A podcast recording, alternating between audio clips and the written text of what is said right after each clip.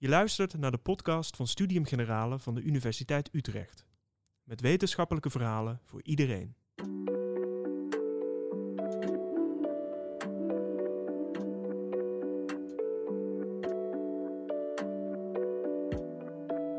Je luistert naar Het Ezelsoor. Korte interviews met filosofen en denkers over hun favoriete passage.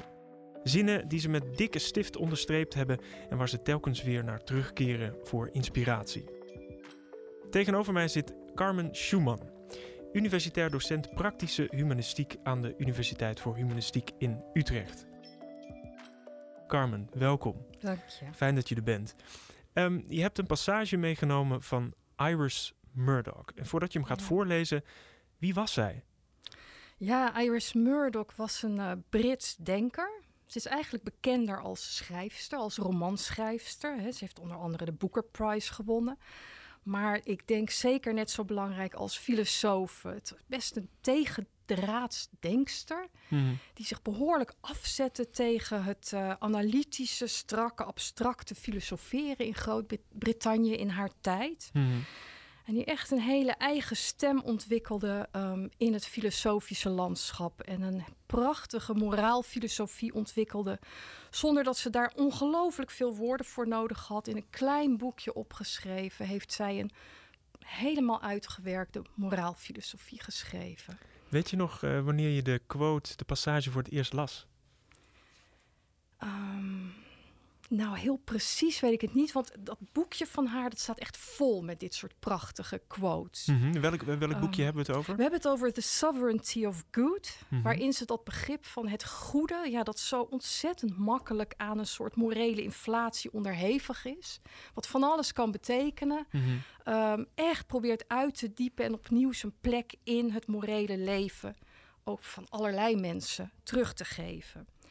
Eh, en toen ik dat boekje las, was ik best wel flabbergasted. Want zij ehm, ontwikkelt die moraalfilosofie heel erg door in gesprek te gaan met religieuze tradities. Je zou kunnen zeggen, ja, religieuze tradities, een seculier filosoof, een seculariserende tijd, wat moeten we daarmee? Mhm. Maar ik vind dat ze dat bijzonder overtuigend doet. En zo zijn er heel veel van dit soort quotes die eh, volgens mij ja, echt heel precies weergeven wat haar denken inhoudt. En dat echt op een hele korte, cryptische manier doen. Dus eh, deze vind ik echt daar heel erg uitspringen in de kortheid waarmee zij eigenlijk haar hele denken samenvat. Nou, misschien moeten we, moeten we gaan luisteren naar die hele korte quote. Wil je hem voorlezen? Ja, zeker. Ehm, dat is de quote. It is a task to come to see the world as it is. Dus het is een taak om de wereld te gaan leren zien zoals die ook echt is. En dat task is echt eh, bij haar schuin gedrukt in haar tekst. Voordat we het over die task kan hebben, eh, wa- wat me ook wel eh, interesseerde aan die quote is dat als ik denk aan filosofen, dan zullen er denk best wel wat zijn die zeggen de wereld kennen zoals die is of the world as it is. Het is bijna onmogelijk om dat te kennen. Ehm, op, op, op welke manier bedoelt Iris Murdoch dat hier? The world as it is. Ja, daar zit natuurlijk een heel, hele filosofische denkwereld onder. Hè? The world as it is. Wij kunnen dan denken aan nou heel wetenschappelijk naar de wereld kijken. Mhm. Dan komen we echt erachter hoe die wereld eruit ziet. Maar dit is natuurlijk een quote binnen haar morele denken. Dus het is een quote die past binnen de vraag... Hoe word ik een goed mens? Want Mhm. dat is voor Iris Murdoch de hamvraag hè, in de moraalfilosofie. Hoe word ik een goed mens? En de wereld zien zoals die is, is in ieder geval niet de wereld bekijken vanuit het eigen ego.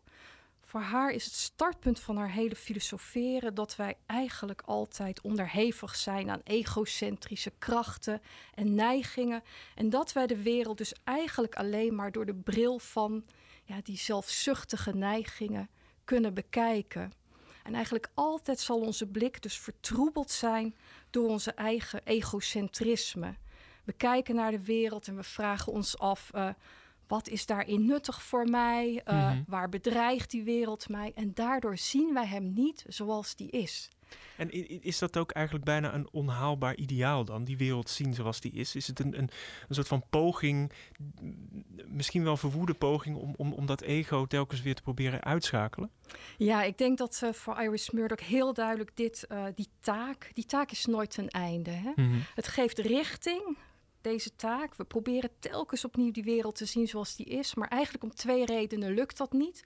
Omdat we dat ego nooit helemaal eronder krijgen. Dat blijft spelen. We kunnen telkens weer proberen daar de aandacht van weg te richten. Maar dat zal nooit helemaal lukken. En ten tweede omdat de wereld veel te complex is. Mhm. alles om ons heen, zelfs één individueel mens, is zo complex. Ik raak nooit uitgekeken.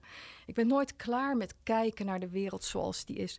Dus het is inderdaad een proces dat ze aangeeft. Moraliteit is voor haar een weg die ze gaat, een soort pelgrimage die nooit ten einde is, maar die wel een bepaald richtpunt heeft. Het richtpunt is telkens opnieuw me afvragen: kan ik liefdevol en compassievol naar buiten kijken, naar de wereld buiten mijzelf en zo de aandacht afleiden van dat ego dat telkens die aandacht naar zich toe wil trekken. En kun je uitleggen waarom je dat een beter mens maakt? Dat over dat ego heen stappen en naar buiten kijken, naar die wereld zoals die is?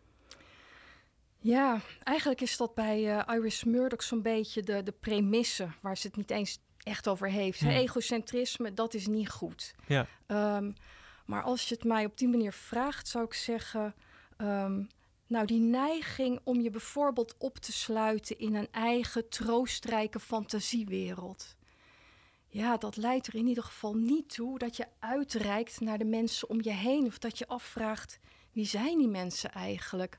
Behalve een soort objecten die mij al dan niet bedreigen. Of kunnen geven wat ik wil. Of precies, of hè, mijn ego kunnen bevredigen op de een of andere manier. Dus in die zin het telkens weer kijken naar de wereld zoals die is zeker ook naar de mensen om ons heen. En dan denk ik ook hè, aan de mensen die nog komen gaan, bijvoorbeeld. Hè, de mensen, de generaties na ons, die vragen ook onze aandacht. Hmm. Ja, dat is voor haar wel een soort ultieme moraliteit, omdat het in ieder geval ervoor zorgt dat je dan ook keuzes zult maken.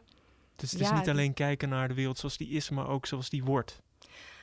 Ja, dat leg ik er misschien zelf een beetje in. Maar ik denk wel, ja, voor mij is dat wel iets heel belangrijks. Want natuurlijk, hè, um, Murdoch is een filosoof. Ze geeft niet een soort handboek voor hoe je dit nu in een aantal stappen voor elkaar moet mhm. krijgen. Maar als ik haar precies lees, dan is inderdaad die oneindige pelgrimage die eeuwig doorgaat. Ja, die vraagt er ook om, om onze. Um, om ons blik te, ver, te verwijden. Hè? Om te kijken naar die mensen die nu nog niet voor ons in beeld zijn. En dat zijn ja mensen die ergens anders op de wereld leven. Maar ik moet dan zelf toch ook meteen denken aan de mensen die nog na ons komen. Die we niet direct in beeld hebben, maar waarvan het morele appel wel is: kijk daarnaar. En hmm. kijk wat het betekent om daar ook liefde voor te voelen. Dat betekent iets, zou ze zeggen. En hoe, uh, hoe inspireert deze quote jou in je werk? Um, ja, goede vraag. Het inspireert me sowieso in mijn onderwijs dat ik geef. Is dit echt een hele belangrijke quote, omdat ik het uh, veel over morele processen heb. Maar voor mij, puur voor mijzelf, denk ik, dit appel van haar is niet zomaar een leeg appel, een theoretisch appel. Maar het vraagt iets van je op elke moment in je leven en ook op elk vlak van je leven.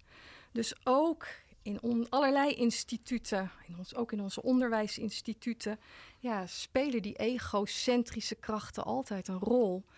Dus ehm, het verder kijken dan ikzelf, naar mijn studenten, naar mijn collega's. En niet me afvragen, oh, hoe kom ik hier beter uit?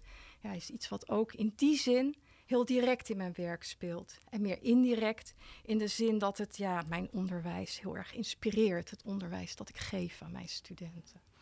Vraagt Iris Murdoch ons ook om uh, vanuit de ander te denken? Niet alleen naar de ander te kijken, maar ons ook te verplaatsen in die ander en vanuit die ogen van die ander te kijken? Ze zegt het niet precies direct zo. Hè? Een woord als empathie ben ik bij haar nog niet echt tegengekomen. Je hm. echt verplaatsen in die ander. Maar in feite, een woord wat zij wel veel gebruikt, is liefdevol kijken. Ja, en liefdevol kijken kan ik mezelf in ieder geval niet echt anders voorstellen dan me ook af te vragen hoe het is om zo'n ander te zijn, een ander levend mens, ja, die ik nooit helemaal ten volle zal kunnen begrijpen, waar ik altijd weer verwonderd naar moet kijken en dus ook aan moet vragen, maar wie ben jij dan eigenlijk? Dus in die zin denk ik dat het er wat implicieter wel degelijk in zit. Hm. Dankjewel voor het uh, delen van deze mooie quote, uh, Carmen. Graag gedaan.